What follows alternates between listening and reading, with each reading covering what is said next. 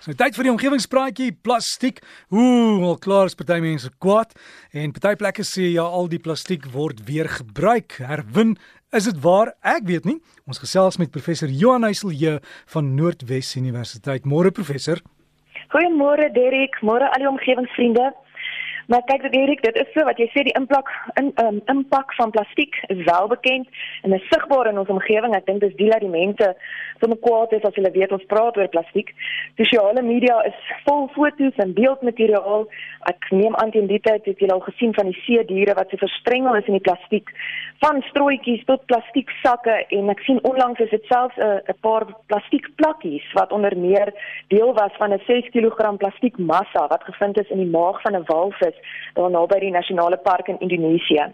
En um, die marine en die atmosferiese navorsingsentrum in Australië sê dat 70% van seevoëls en 30% van skilpaaie het reeds een of ander vorm van plastiek ingeneem. En dit is natuurlik geen wonder nie want die Verenigde uh, Verenigde Nasies se data wys vir ons dat daar jaarliks 8 miljoen ton se plastiek in die oseaan beland.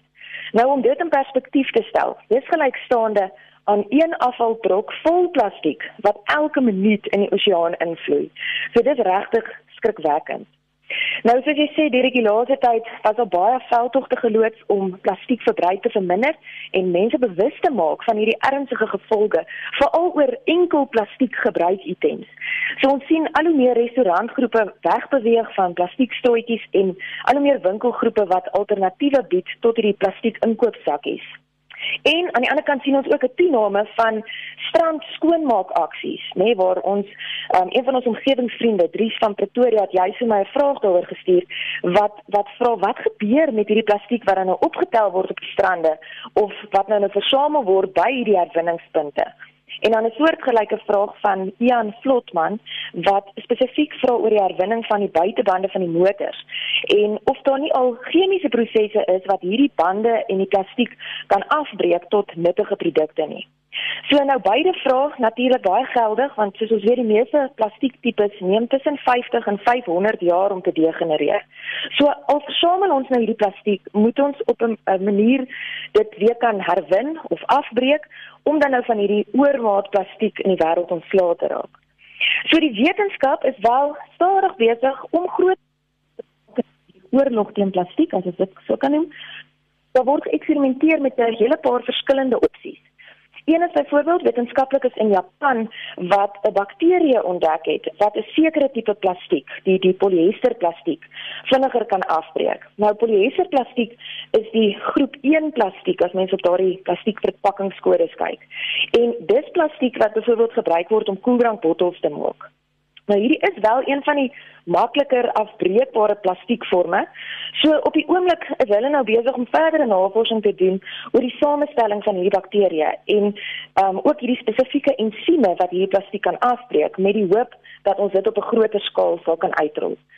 'n Ander opsie is waar swamme gebruik word om plastiek af te breek.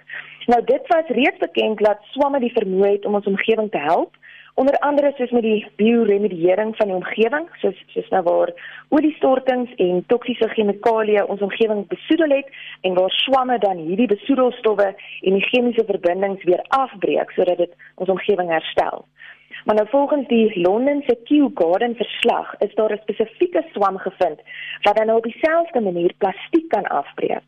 So navorsers in Pakistan was die eerste wat hierdie resultate bekend gestel het om te wys hoe hierdie swam wat dan nou in die grond geïsoleer is, die chemiese verbindings van die plastiek afbreek. Maar ook soos met die bakterieë is hierdie resultate beperk tot een spesifieke tipe plastiek. En die keer is dit die groep 7 plastiek volgens daardie plastiekverpakkingskodes. So dis plastiek wat gebruik word vir yskasisolasie of in matrasse en sintetiese leer en dis ook een van die makliker afbreekbare plastiekvorme. Dan verder behalwe vir die bakterieë en die swamme, is daar ook 'n rispe wat in Europa voorkom wat deur middel van ensieme plastiek kan afbreek. Nou volgens die navorsing van die Cambridge Universiteit breek hierdie rispe die plastiek vinniger af as wat bakterieë kan doen. En die navorsers is nou tans ook besig om hierdie molekulêre proses te ontrafel om te kyk of dit nie dalk vir ons kan antwoorde bied op 'n groter skaal nie. So basies Derek om die vraag te antwoord vanuit 'n breë perspektief, is daar wel vordering om hierdie degenereringsproses van plastiek te versnel. Maar op die stadium is dit nog op 'n baie klein skaal en is dit beperk tot sekere tipes plastiek. En dan die ander ding is dis ook 'n baie tydsame proses. So hierdie biologiese afbreek van polimere soos plastiek gebeur oor lang periodes. So ons gaan regtig nie oornag 'n plastiek net sien verdwyn uit ons omgewing uit nie.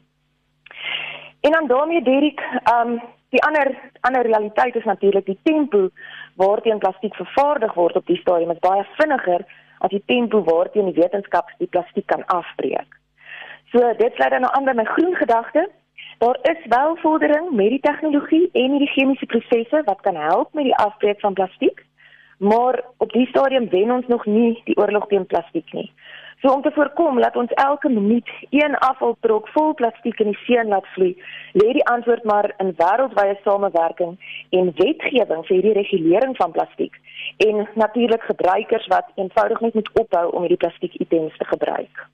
Joh, verskriklik né? En ek sien wêreldwyd professor is daar ook mense wat nou, jy weet, as jy daai plastiek afgeneem het, ons het daaroor gepraat, dan uh, kan jy die foto op jou Facebook plaas of op Twitter, dan sit jy net hulle naam by En dan wys jy die foto en dan kan die maatskappy gesê word moenie plastiek maak nie.